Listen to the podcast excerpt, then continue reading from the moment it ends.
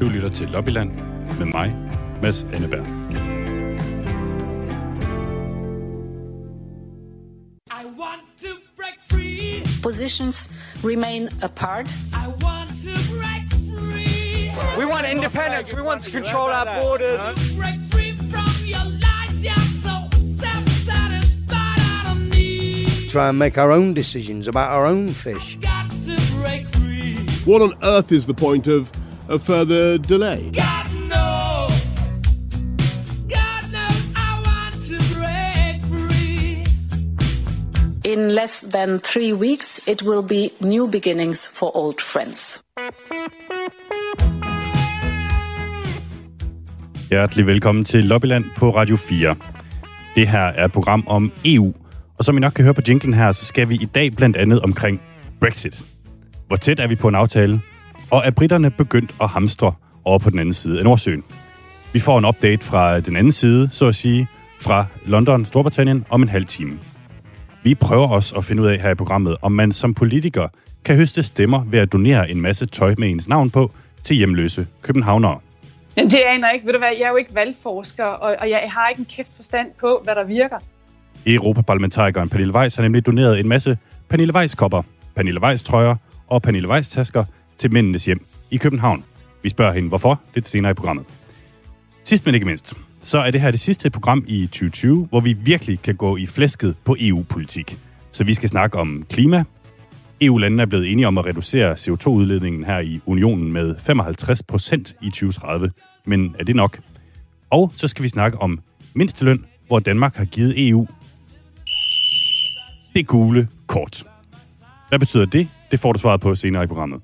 Alt det får du serveret her i dagens udgave af Lobbyland på Radio 4. Og hvis du sidder og lytter til det her direkte onsdag formiddag, så er du meget, meget mere end velkommen til at skrive ind. Nummeret er 1424, og du starter din besked med R4 mellemrum, og sender den afsted herind til mig. Vi har faktisk allerede fået en enkelt sms. Det er Claus, der skriver øh, ganske apropos, når man tager britternes koge, øh, kogekundskaber i betragtning, kan man godt blive bekymret for, hvor uspiselig Brexit-suppedasen egentlig bliver. Og Claus, jeg vil give dig 1000% ret. Bliver det en, en hvad skal man sige, gammel shepherd's pie, der har ligget frit fremme i, i to dage, eller får vi trods alt en, øh, en meget, meget sprød omgang fish and chips? Det vil tiden vise, og vi skal omkring det emne her i dag.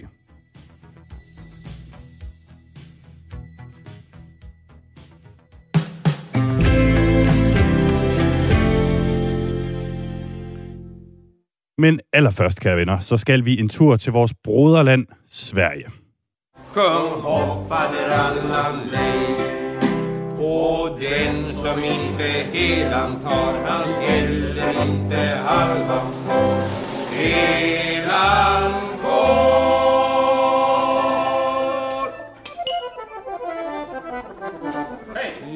Sjung hoppade rallan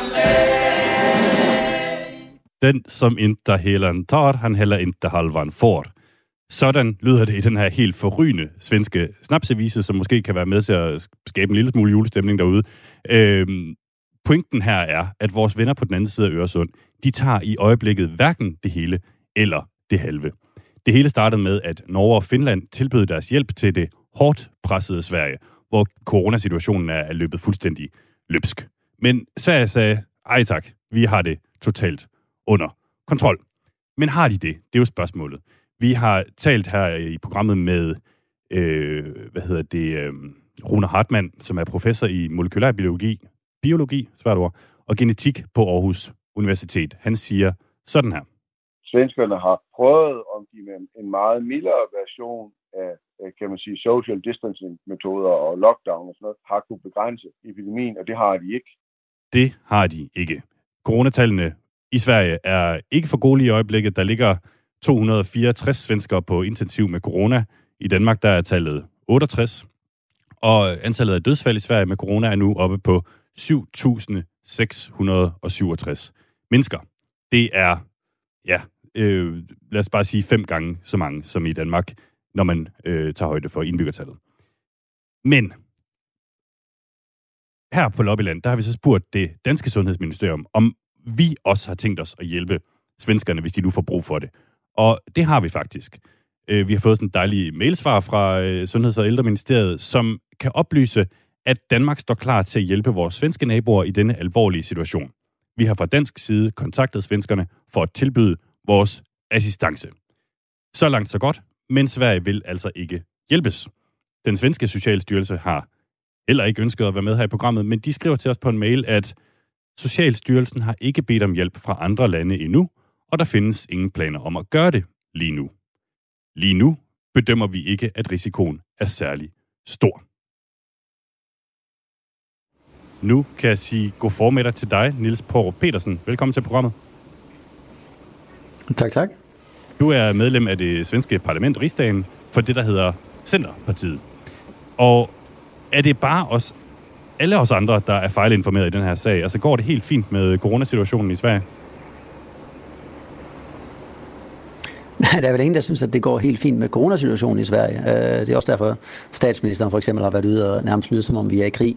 Øh, men derimod, det som man har gjort, det er, at man har lavet en øh, national eskalering her i weekenden, hvor man kan sige, man aktiverede sådan, at alle regioner, som ansvar for sygehusene, øh, skulle hjælpe hinanden, sådan at øh, alle pladser på intensiven skulle øh, øh bygges ud rundt omkring i hele landet, så at man kan øh, sende folk til hinanden, hvis det behøves. Og det er jo et meget naturligt øh, første skridt, øh, frem for at sende dem til Danmark eller Norge eller Finland. Øh, så det er vel derfor, man i øjeblikket siger, øh, at øh, hjælpen ikke behøves. Okay. Men altså, hvis ikke det går særlig øh, fint, og, og vi alle sammen står, står klar til at hjælpe, hvorfor vil I så ikke øh, have den hjælp? Jamen, altså det, som er, det, som er hjælpen, som er blevet tilbudt, er jo, at vi for eksempel kan sende folk til Danmark og Finland øh, og Norge. Og det er klart, at om du som patient, som har altså til intensive øh, afdelinger, og det er klart, at som patient er det jo ikke en fordel at blive flyttet ekstra langt. Så, så længe vi, kan, vi øh, ikke er nået i taget af intensive pladser, øh, så er det jo en fordel for patienterne at ikke blive flyttet til andre lande øh, i første omgang. Øh, Så derfor prøver, forsøger vi jo at øh, løse det inden for landets øh, grænser. Øh, Og det forekommer, som om det i øjeblikket øh, kan findes de pladser, der behøves. Øh, Så det er vel derfor, at man har øh, sat det. Men det altså, så må vi jo se, hvis ikke, øh, hvis ikke det rækker, så er det klart, at altså, det er jo ikke sådan, at der er et eller andet øh, stolthed eller lignende, der gør, at vi ikke vil have hjælp. Øh, Og man kan sige, at Sverige har jo også hjulpet Norge gennem, og, øh, og Island også gennem at øh, købe øh, vacciner, som vi så sender videre til Norge og Island. Så der er jo et nordisk samarbejde, og har altid fundet inden for sygehusvæsenet. Øh, Så det er klart, det skal bruges, når, når det bliver nødvendigt. Så hånden på hjertet, det er altså ikke, fordi I synes, det er pinligt at skulle have hjælp fra Danmark. Nej, nej, nej. Altså, der, er der, er jo, der er jo masser af sådan nogle ting, øh, som, alle, som allerede er i gang, og jeg, jeg går jo ud fra, at der er et vældig hårdt øh, samarbejde omkring øh, hvad hedder det, bekæmpningsmetoder, etc. Der har jo altid været det på det nordiske område. Og jeg mener, vi, vi altså, øh, mellem Rigshospitalet i København og Universitetssygehuset i Malmø og Lund, har det jo altid øh, sendt, sendt, altså har man altid sendt patienter til hinanden, når der har været behov for det. Øh, så det er ligesom en, øh, en, en, om ikke dagligvarer, så er det i hvert fald noget, der sker hele tiden, når der ligesom er behov for det, øh, for forskellige områder, hvor, hvor vi kan have forskellige specialiteter for eksempel, eller hvis der er en overbelastning af et eller andet. Øh, så, så der findes ligesom færdige samarbejder på det punkt, så det er klart, at, og det ser jeg jo også, altså det er klart, at vi, der er jo ingen, der heller vil se, at øh, patienter ikke får øh, det, den, øh, øh, det, er det pleje, de behøver, øh, frem for at de sendes til Danmark eller Norge. Øh, men det, altså, man skal også have med, at der, hvor det er absolut hårdest ramt omkring Stockholm, der er der ret langt til både Norge, Danmark og Finland. Hvorimod, hvis det for eksempel er i Malmø, så til København, så er det meget, meget lettere. Øh, og der er Værmland på, på vores vestkyst, som let kunne sende til Norge måske. Så det, det er jo det her med afstandene først og fremmest. Så, så længe vi kan løse det inden for landet, så er det jo en fordel for patienterne. Øh, Lad os lige prøve at høre et sidste klip med øh, Rune Hartmann, som altså er professor i molekylær biologi og genetik her på Aarhus øh, Universitet. Jeg er simpelthen nervøs på svenskernes vegne lige nu. Øh, For når man har den belægning, de har på, på intensiv, så har man jo ingen sikkerhedsmargen tilbage. Så øh, der bliver, en, altså, der, der bliver en spændende måned indtil vaccinationsprogrammet rigtig tager fat. Nils Poul Petersen, nu er det jo ikke fordi, at du er, hvad skal man sige, den øverste ansvarlige for, for coronasituationen i, i, i Sverige. Du er med, fordi at du er, hvad skal man sige, du, du er et, et rigsdagsmedlem, som, som taler dansk. Dansk, måske. Og, øh, ja, lige præcis. Øh, men jeg vil da alligevel bare lige sige til dig, at vi er en lille smule bekymrede for jer her i, i, i Danmark, og, og vi hører her fra, fra Rune Hartmann, at Sverige kører på makskapacitet og mangler lidt sådan sikkerhedsmagen. Hmm. Tager han fejl? Nej, altså det, og det er jo derfor, øh, altså, og det har man jo gjort. Man lå på, øh, i, hvad kan man sige, i uh, Stockholm, så lå man øh, i sidste uge, i, hvert fald en dag, lå man på 101 procent, kan man sige, af intensivpladserne. Øh, 101 procent er jo, hvad kan man sige, det er jo på den anden side af marginalerne. Mm. Øh, og det er derfor, at man nu har taget, det, det er derfor, man i søndags, jeg tror det var søndag, øh, øh, tog det her, den her beslutning om at øh, aktivere det her, den her nationelle eskaleringsplan, tror jeg den hedder, øh, hvor man øh, netop siger, at alle andre regioner, selvom de ikke selv er i, hvad kan man sige, har nået sin normal kapacitet, så skal de bygge ekstra pladserne ud, som man ligesom har inde i planlægningen, hvor man ved, hvad man skal gøre. Øh, og så skal man øh, som en naturlighed tage imod patienter fra de andre områder. Og det blev først aktiveret i søndags. Det vil sige, at, og det øger pladserne med, jeg tror, det er omkring en 20-30 procent øh, øh, rundt omkring. Øh, det er lidt forskelligt fra region til region. Øh, og, og det indebærer jo så, at man kan man sige, kapacitetstaget øger. Øh, Og det vil sige, at vi i øjeblikket så er vi et stykke fra kapacitetstaget og får dermed lidt større marginaler igen. Men ellers har han jo ret. Altså man skal jo virkelig have øh, marginaler. Øh, Der kan jo stadigvæk ske andre ting. Altså det er det, man skal også skal have med.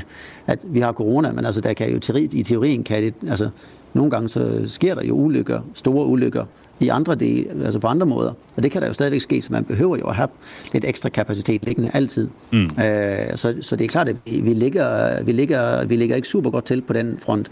Øh, så hvis det bliver værre, end det er nu, så bliver vi jo nok nødt til at øh, begynde at sende patienter øh, afsted. Og så bliver det nok sikkert noget med, at jamen, Stockholm sender ned til Linköping, Linköping sender ned til Växjö, og Växjö sender ned til Malmø, og vi sender til København, eller sådan noget lignende. Så man laver en sådan her form for rokade frem for at sende patienter hele vejen fra Stockholm til København, for det er ret langt. Øh, men det må vi jo se, øh, hvis det bliver nødvendigt. Men det er jo dig, altså man vil sige, at øh, jeg, jeg takker jo for, at I både med snaps, snapsvise og øh, det her tilbud øh, bidrager til julestemningen i Norden. Det er altid dejligt. Niels Forp Petersen, du skal i hvert fald vide, at øh, vi er klar til at hjælpe, skulle det nu blive nødvendigt. Og øh, du skal have tusind tak, fordi du vil være med her i programmet, og du må have en meget, meget, som man siger, glad jul. Nå, ja, I må have en super god jul og hygge jer med familien, og ikke så mange af gangen. Præcis, det skal vi nok huske. Hej.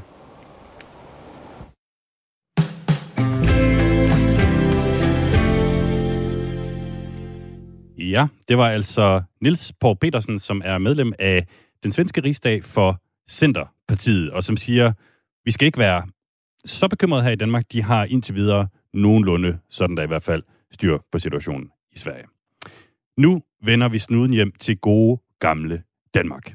Hvis du bor i København, så kan det være, at du den her vinter vil spotte ekstra mange, der går rundt med en trøje, hvor der står Pernille Weiss på. Pernille Weiss er jo medlem af Europaparlamentet for de konservative, og hun har valgt at sende to kasser med Pernille Weiss merchandise afsted til hjemløse københavnere. Er det en sød julegestus, eller et forsøg på at omdanne mennesker til valgplakater? Det prøvede jeg at finde ud af ved at ringe til hende selv.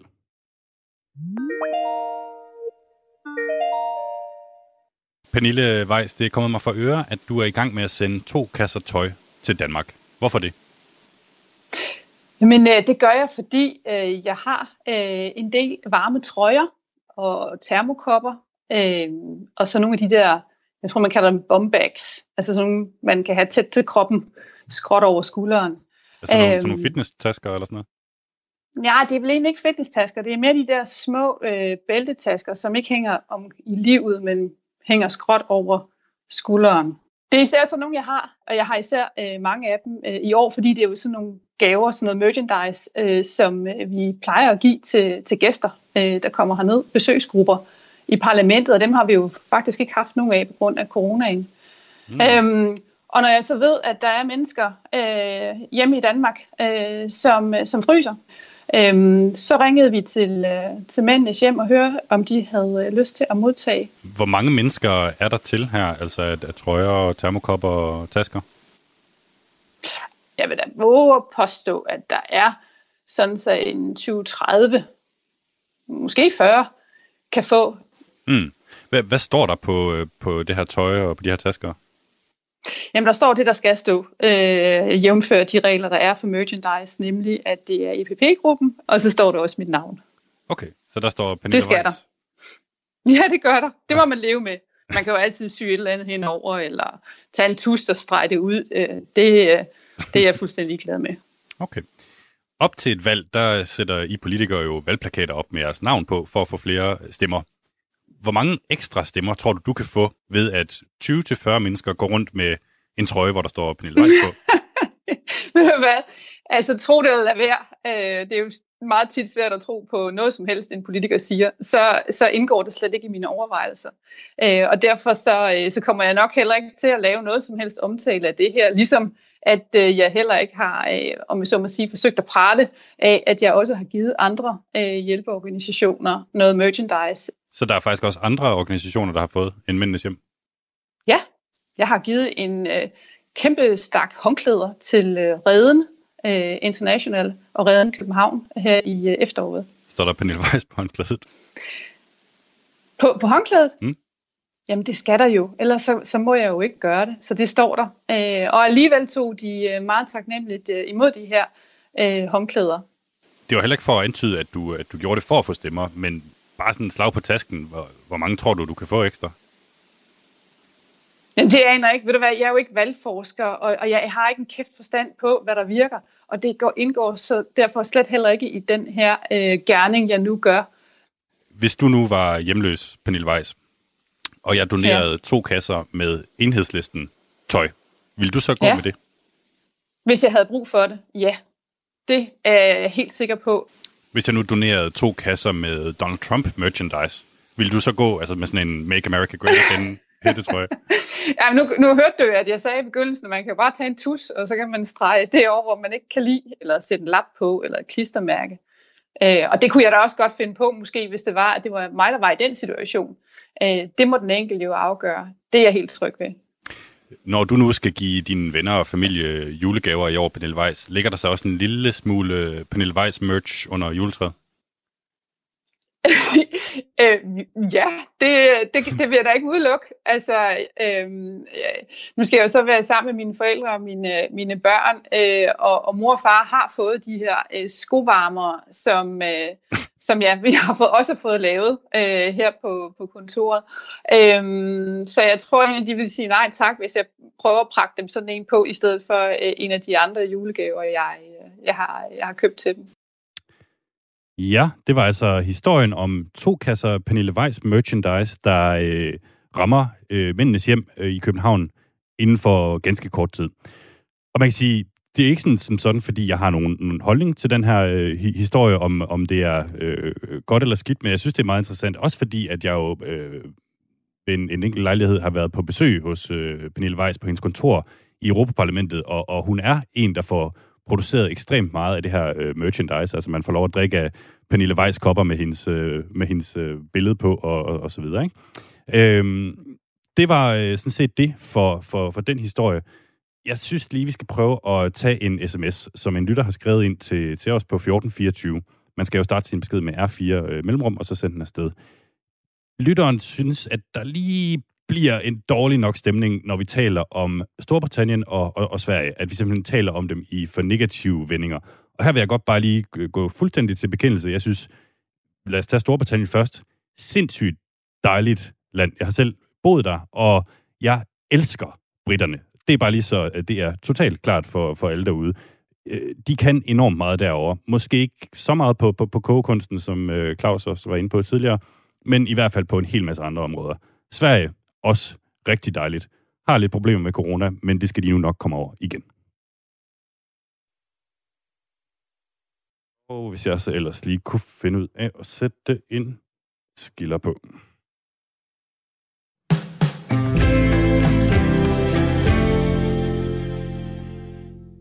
Vi skal videre i teksten. Nu skal vi nemlig tale om klimaet.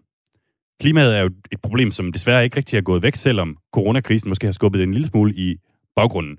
Og natten mellem torsdag og fredag i sidste uge blev EU-landene enige om, endelig enige om, hvor ambitiøse vi skal være på klimafronten frem mod 2030. Og der kommer lige nogle tal her, som vi skal jonglere rundt med de næste 6-7 minutter. EU-landene blev nemlig enige om, at unionen skal udlede mindst 55 procent mindre CO2 i 2030, end vi gjorde i 1990. Og det er jo noget af en stigning, for før der havde målet nemlig 40 procent. Nogen jublede over, at det endelig var lykkedes at overtale alle EU-landene til det her, blandt andet øh, Polen, som, som var lidt øh, øh tøvende. Andre mente, at 55, det kunne da ikke være nok. Nu kan jeg byde velkommen til dig, Linnea Søgaard Liddell. Du er medlem af Europaparlamentet for Venstre. Tak fordi du gad at være med. Selv tak. Linnea Søgaard Liddell, du øh, får skrevet i et debatindlæg i fredags, at du er, citat, godt træt af tomme ord, når det kommer til klimaet. Hvad mener du med det? Jamen, øh, den er jo myndet på øh, regeringen, øh, som jeg synes har været for uambitiøs i den her proces omkring at få et øh, nyt øh, 2030-reduktionsmål i øh, EU. Altså, øh, regeringen de, øh, har jo selv gået ind for, som vi jo også gør i Venstre, den her 70% øh, målsætning for Danmark. Og så undrer det mig bare, at man ikke ønsker en målsætning i EU, som er øh, så tæt på den danske som muligt, og som om ikke andet øh, lever op til det, som øh, videnskaben siger, at øh, vi skal nå for øh, at nå i mål med det, vi allerede er blevet enige om, at vi vil i Paris-aftalen, nemlig at, at, at kun at nå op til den her 1,5 procent eller 1,5 graders øh, temperaturstigning. Okay, øh, hvis vi lige tager det Øhm. øh, en ting i gang. Altså, regeringen mm. tog jo faktisk til Bruxelles med det udgangspunkt, at det skulle være 65, øh, sådan som du også gerne vil have. Altså, øh, og, og det kunne så ikke rigtig lade sig gøre, fordi der var nogle lande, der, der trak den anden vej. Hvor, hvorfor tror du, at en venstre regering for eksempel kunne have gjort det bedre? Jamen, jeg ved jo ikke, hvad, altså det, det kan vi jo ingen jo spå om, øh, hvad der ville være sket, hvis det var nogle andre mennesker, som sad øh, i de stole. Jeg kan bare konstatere, at regeringen jo selv spillede ud med det samme, som, reger- eller som kommissionen spillede ud med, nemlig at øh, vi skulle reducere med 55 procent. Og det har vi jo ikke ment var, var nok i Venstre, øh, og derfor så blev regeringen presset til et mandat, Øh, eller fik øh, mandat til, at, at de skulle arbejde for 65 procents øh, målsætning. Men det fik de jo ret sent i, i processen, og der var de jo allerede i gang med at forhandle øh, med, med de andre lande. Øhm, nu siger du det her med, at, øh, at, at videnskaben siger, at det skal være øh, 65 procent. Altså EU-kommissionen har jo sagt, at det her, der hedder mindst 55, det er, det, det, det er i hvert fald det, vi skal i, i, i 2030. Hvor ved du fra, at det præcis skal være 65 procent? Jamen, det ved jeg jo fra FN. Altså, FN kom sidste år med en øh, rapport, øh, hvor de så på, hvad skal vi nå øh, rundt omkring i, i hele verden, for at, øh, at øh, vi kommer i mål med øh, Paris-aftalen, som vi har skrevet under på. Og der kom de frem til, at øh, EU skulle reducere med 65 procent i 2030. Og det har jeg forholdt mig til, øh, da vi forhandlede klimaloven over i Europaparlamentet, og derfor har jeg også selv foreslået 65 procent og, og arbejdet for, at, at, at det skulle være det. Okay, men altså, det er fordi, jeg har kigget den der FN-rapport, som, øh, som, som du har sendt mig. Der står ikke rigtig noget sted, at det skal være 65 procent.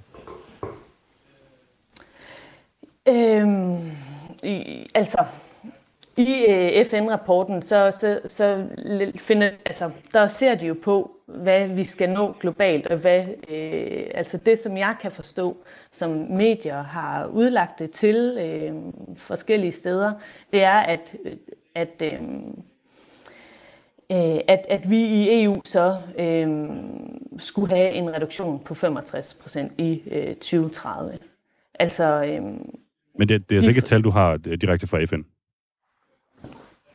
Jo, men altså FN-rapporten skriver, at der er brug for at skære i globale emissioner med 7,6 procent øh, hvert år, øh, for at, at, at, at imødekomme det her mål, øh, som vi har i Paris-aftalen.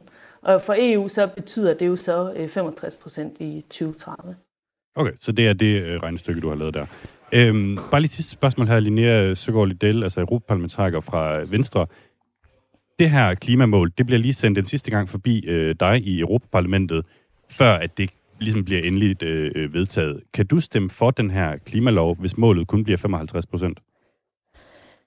Nu bliver det jo, vi har forhandlet det her over hos os, øh, over i øh, Europaparlamentet, og Europaparlamentets øh, forhandlere er så gået, så, går så sammen nu med, med rådet til kommissionen for at komme frem til det endelige kompromis.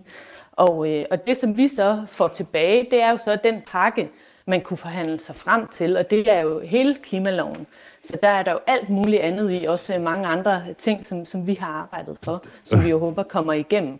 Så, så jeg vil selvfølgelig ikke stemme imod klimaloven, øh, når den ender, så vil jeg respektere det udfald, som man øh, kom, kom frem til. Så du vil altså med at gøre det, Uagtet- gøre det samme som regeringen og acceptere de, de 55 procent? Ja, men jeg har jo arbejdet for 65 procent, og det, det virker jo til, at regeringen har arbejdet for 55 procent øh, lige indtil her til sidst, hvor at, øh, vi pressede dem til at gå en øh, smule op. Linnea, du må meget undskylde. Der er simpelthen øh, nyheder nu. Øh, Jeg siger tusind tak, fordi du gad at være med i programmet. Selv tak. Du lytter til Lobbyland med mig, Mads Anneberg. Ja, velkommen tilbage til Lobbyland på Radio 4. Øh, vores øh, EU-program her på kanalen, hvor det altså er mig, Mads Anneberg, der er jeres vært. Og jeg skal lige starte øh, anden halve time af programmet her med at lige få ravet nogle kastanjer lidt ud af ilden. Øh, jeg får sagt i, øh, i, i første halv, øh, halvdel af programmet, øh, fordi vi taler om det her med, med Pernille Weiss og, og hendes, øh, hvad skal man sige, to kasser øh, merchandise, som lige nu er på vej til, til københavnske hjemløse, at Pernille Weiss får produceret ekstremt meget merchandise. Og det jeg nok egentlig mente, det er, at Pernille Weiss får produceret et helt normalt niveau af, af, af merchandise, men man kan bare se det øh, frit frem på hendes eget kontor. Bare hvis der skulle være nogen, der var i tvivl. Og der er jo ikke noget galt med at få produceret det her merchandise.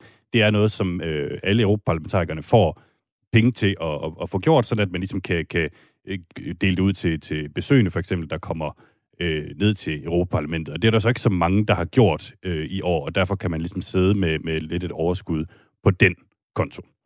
Nu skal vi tale om det, som vi egentlig startede med øh, i programmet her, nemlig Brexit. I want to break free. Positions remain apart. I want to break free. We want independence. We want to control our borders.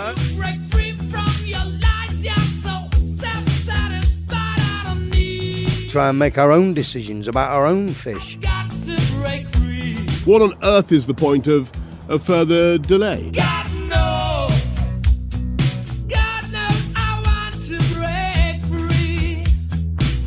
In less than three weeks, it will be new beginnings for old friends.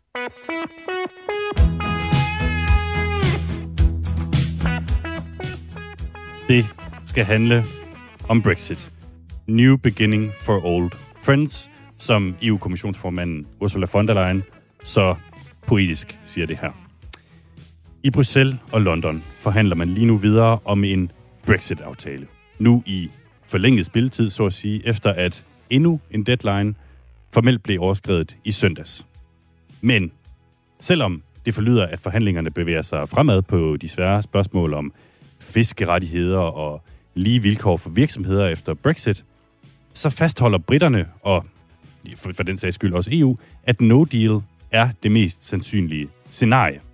Og den britiske regering har blandt andet givet supermarkederne besked på at sikre, at der er opbygget lagre af fødevarer i tilfælde af, at forhandlingerne ikke lykkes, og at Storbritannien dermed crasher ud af samarbejdet til nytår. Vi skal nu til London, hvor Rune Vrit Larsen befinder sig tidligere korrespondent i London for børsen, og nu Ph.D.-studerende på London School of Economics. Er du tilfældigvis med her på linjen, Rune? Ja, god formiddag. God formiddag, og tusind tak, fordi du gad at være med. Jamen, det var så lidt. Rune, vi hører i, i Danmark det her med, at der hamstres i Storbritannien. Altså, øh, at regeringen i hvert fald har givet supermarkederne besked på at få købt rigtig godt ind i EU, før et eventuelt hårdt Brexit her til, til nytår. Altså, er der noget om snakken, og kan man mærke det i, i London, der hvor du befinder dig? Jamen altså, øh, der, der er noget om snakken på den måde, at vi har set kæmpe store køer øh, nede ved Dover, altså fødevarer, der, der skal ind til, til Storbritannien. Vi får en meget øh, stor del af vores fødevarer øh, fra EU-landene, så det er ret vigtigt, øh, at, at de her forsyningskæder er, er på plads, især hvis vi, øh, vi ender med, at aftalen ikke falder på plads. Øh, men altså den måde, man sådan kan mærke det i supermarkederne, er, at de så måske også har fået, fået mange øh, varer ud på hylderne. Altså i hvert fald, øh, jeg var ude at handle ind øh, i, øh, i min lokale Tesco, der er sådan en, en øh, god størrelsesforretning på størrelse med en god dansk bilka øh, i, i går, og altså der, der var masser af varer på hylderne i, endnu, men de har på en eller anden måde også øh, ligesom fået prøvekørt øh, alt det her øh, i foråret, da øh, coronavirus ramte, og, og der altså var, var tomme hylder i, i ugevis, fordi at det pludselig var svært at få varer ind, øh, blandt andet fra, fra EU. Øhm, så altså, der, der, der ved jeg godt, at der mangler lidt toiletpapir i, i Danmark, sådan ganske kort vej, men der, der var det altså, øh, det var en lang periode i, i Storbritannien, hvor, hvor der egentlig var varemangel, og det er man meget opsat på at, at undgå, at et, øh, et hårdt Brexit, hvis det der ender, det ender, øh, at, at det også bliver, bliver konsekvensen. Øh, så indtil videre så har de øh, bygget, øh, begynder de at bygge øh, op store lager, øh, i tilfælde at det ender uden aftale. Har du sørget for at købe rigeligt med toiletpapir, Rune? Jeg har sådan en, en enkelt stor pakke øh, stående, så øh, altså, der, der er til et stykke øh, tid, men, men jeg håber, at de ikke løber tør. Okay. Vi, øh, vi taler om det her, fordi der lige nu forhandles på livet løs mellem EU og Storbritannien om en, ja, hvad, du kan jo kalde det en handelsaftale, øh, som skal sikre, at vi stadig har et eller andet forhold til hinanden efter nytår. Britterne forlod jo officielt øh, EU den 31. januar i år, men der har altså været sådan en overgangsperiode på plads, som, som så udløber her til, til nytår. Og man kan sige, lige nu er det nærmest lidt som om, vi har lige nu fundet ud af, at der faktisk ligger et land øh, derude i Nordsøen, og begynder at snakke om, at skal virkelig ikke lige sørge for, at vi kan flyve der til og køre der til og eventuelt også begynde at, at handle lidt med dem, der bor derovre, de, de indfødte, så at sige. Ikke? Altså, det, det er helt, helt fra bunden af. Og det er jo underligt, fordi vi har talt om Brexit i mere end fire et halvt år, at det har været så lang en proces. Øh, og jeg tænker på, Rune, over i Storbritannien, hvor, hvor, hvor du er lige nu, hvordan taler folk om det? Taler de overhovedet om det, eller er de bare så trætte af det nu, at, at det bare kan være lige meget? Jamen, det, det er noget, øh, folk taler om, også fordi at det, det er så tæt på nu, øh, og konsekvenserne bliver så store, hvis aftalen ikke er på plads. Øh, konsekvenserne bliver jo også store, hvis der er en aftale på plads. Men det er sådan, jamen, altså, der er den der træthed, du taler om, at det, det har varet længe. Altså, i, i princippet er det jo en hurtig øh, handelsaftale, altså, øh, at, at den allerede kan være på plads. Det plejer at tage meget længere, så altså, på, på nogen måde er det jo øh, egentlig gået stærkt, men, men det har været lang tid at tale om det, og altså, der var jo Brexit-vælgere, der forventede, at vi nærmest øjeblikkeligt var ude af, af øh, EU, øh, umiddelbart efter folkeafstemningen i 2016. Så, øh, så der er virkelig en træthed, der er sat ind, øh, og, og samtidig så konkurrerer det selvfølgelig med coronavirus-nyheder. Øh, altså, vi, vi er her til morgen gået, øh, gået ind i et højere tier, altså øh, om, om de restriktioner, der gælder her i London, øh, og, og altså et hårdt lockdown, kan man sige. Øh, og altså det, det er det, der fylder, der, det fylder om, vi skal ændre retningslinjer for julen, ligesom man taler om i Danmark, øh, og, og altså det er egentlig højere øh, rangerende i, i mange nyhederne lige nu end, end Brexit, på trods af, at det er øh, så tæt på. Og, øh, Ja, også fordi det, det, og- det, og det her med, at, at, at London kommer i en ny kategori, det betyder, at de lige pludselig ikke kan, kan komme på pop længere. Og øh, selvom der er mange negative øh, konsekvenser ved Brexit, så er det, at man altså, ikke kan komme på pop, jo trods alt ikke en af dem. Nej, altså øh, min lokale pop øh, har godt nok øh, tidligere annonceret, at de vil øh, til at have færre europæiske øh, øl på, øh, på menukortet, øh, fordi at øh, altså, skulle de ikke importeres fra, fra EU, men det, ja, det er måske mere en øh, principiel beslutning, end, end øh, at det har noget med, med Brexit reelt at gøre. Okay.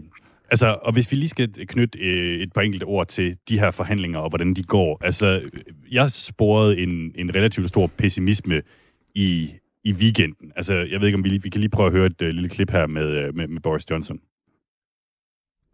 As things stand, I'm afraid we're still very far apart on some key things. But where there's life, uh, there's hope. We're going to keep uh, talking to see what we can do. The UK certainly won't be uh, walking away from the talks. Ja, altså, stadig meget langt fra hinanden i, i forhandlingerne, men som han siger, det bliver ikke Storbritannien, og det bliver i øvrigt heller ikke EU, der, der trækker sig for de her forhandlinger, før klokken er slået deadline. Øhm, men så er det ligesom om, der er kommet en lidt større optimisme, synes jeg, og, og, spore både på den ene og den anden side her efter, efter mandag, altså mandag, tirsdag, øh, onsdag. Hvad, hvad er din vurdering, øh, Rune? Er vi, er vi tæt på at lande en, øh, en aftale?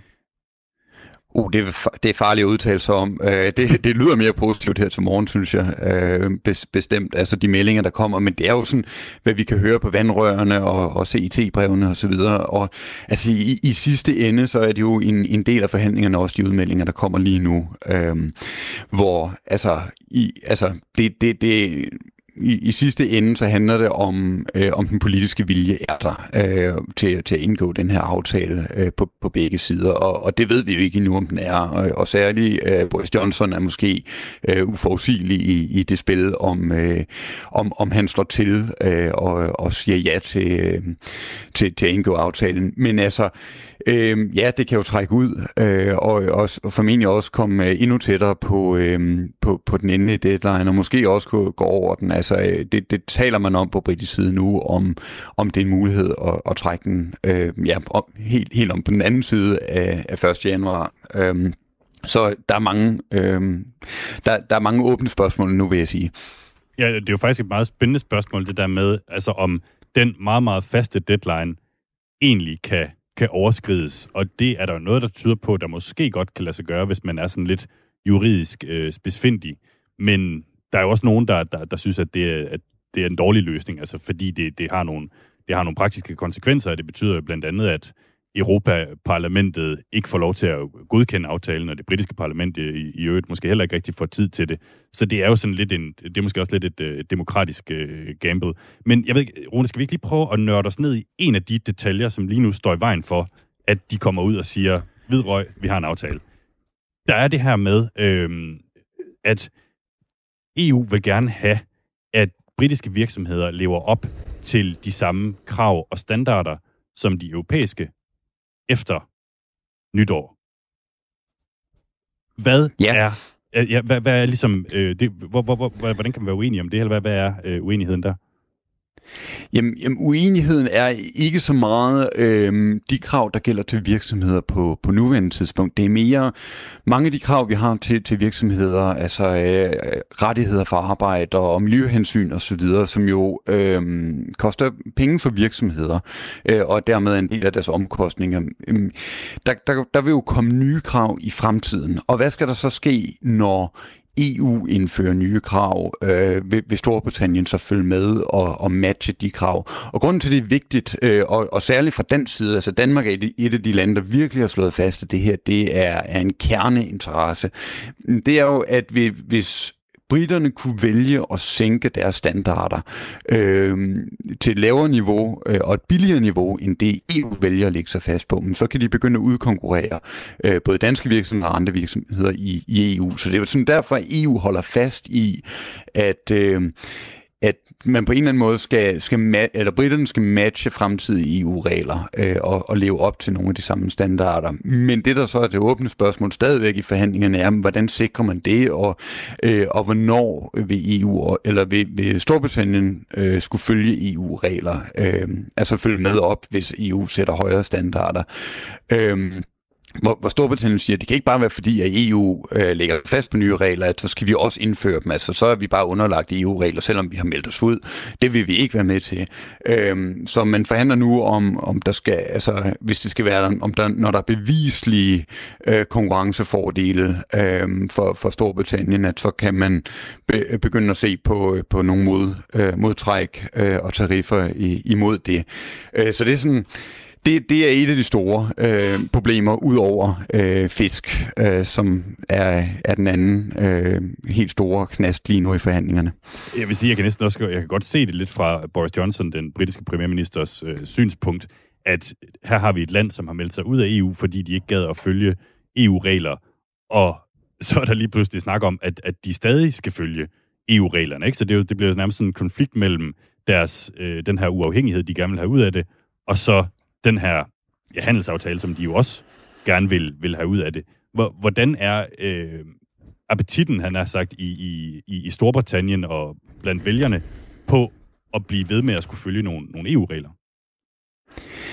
Jamen altså, det er jo, øh, det er jo noget, man, man efterhånden har haft øh, fire og et halvt år til at, at vende sig til, øh, i, i hvert fald i dele af det politiske spektrum. Men, men altså, den her gruppe af Brexiteers, som jo har fyldt meget, og, øh, og også fylder mere, end de gjorde øh, under øh, Brexit-afstemningen, øh, er jo imod det her. Og, og det er også det, der er Boris Johnsons problem. Han skal jo hjem øh, og, og sælge den her aftale øh, efterfølgende, hvis han indgår den. Øh, så altså, det er jo på en eller anden måde, øh, den modsætning, der, der ligger i Brexit, er, at britterne vil gerne melde sig ud af EU, men de vil også gerne have adgang til det indre marked, og der følger jo så altså nogle regler med, øh, siger EU, netop fordi, at der skal være lige konkurrencevilkår for britiske og EU-virksomheder. Øhm, og altså, det har man ikke fuldt ud accepteret på britisk side endnu. Altså, øh, det bliver ofte, særligt af Brexit-fløjen i det konservative parti, omtalt som sådan en, en form for Bruxelles-ideologi. Øh, øhm, som, altså, at det, det handler mere om, at man bare hænger fast i, at EU-regler skal altid følges, øh, frem for at se, at der også er en, øh, en række kerneinteresser på, på EU-side, og ja, særligt dansk side, øh, i, i forhold til, at de her regler skal følges. Okay. Og de kommende uger vil altså vise, om, om der kommer sådan en aftale her, eller, eller ej. Øh, men selv hvis der kommer en aftale, Rune, så er det måske lidt en anden aftale, end folk havde forestillet sig tilbage i 2016, da, da de stemte om, om, om Brexit. Og her har du fortalt mig, at du har en lille historie om en, om en frø. Ja, det er jo ikke rigtig min, øh, min historie, øh, men George Osborne, den, øh, den tidligere finansminister, der jo selv øh, blev, blev et af... Øh, øh, af, af de store ofre for, for den her Brexit-afstemning og, og måtte gå af efter Brexit-afstemningen. Han, han skrev en leder her den anden dag om, øh, hvor man sådan sammenlignede øh, situationen med, med den der frø, der hopper ned i, øh, i en øh, kogende øh, gryde vand, øh, og derfor øh, straks vil, vil springe øh, ud af, af gryden igen, øh, mens hvis man varmer vandet langsomt op, så, øh, så bliver den der bliver kogt i stedet for. Der siger han, det, det er altså der britterne er nu, at vi er blevet godt og grundigt kogt, fordi at vi grundlæggende endt med et, øh, et, et Brexit, som er langt hårdere, end der var nogen, der havde forestillet sig tilbage i, i 2016, og som det også er meget få, der, der ville have støttet. Men, men det er jo sådan den der ind, i indre modsætning, der er i Brexit igen, at, at det er grundlæggende et valg mellem at melde sig ud, øh, eller at, at blive og så følge EU-reglerne. Fordi hvis man alligevel skal følge EU-reglerne, så giver det ikke rigtig mening at vælge at sige, så vil vi ikke sidde ved... Øh, ved forhandlingsbordet og være med til at lave de her regler.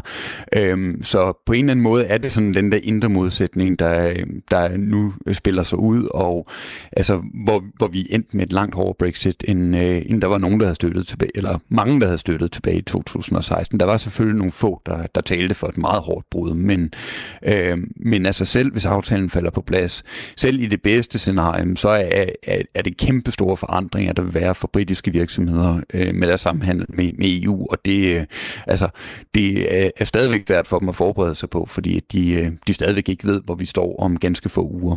Mm.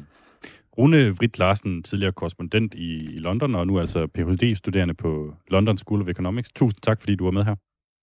Tak for det.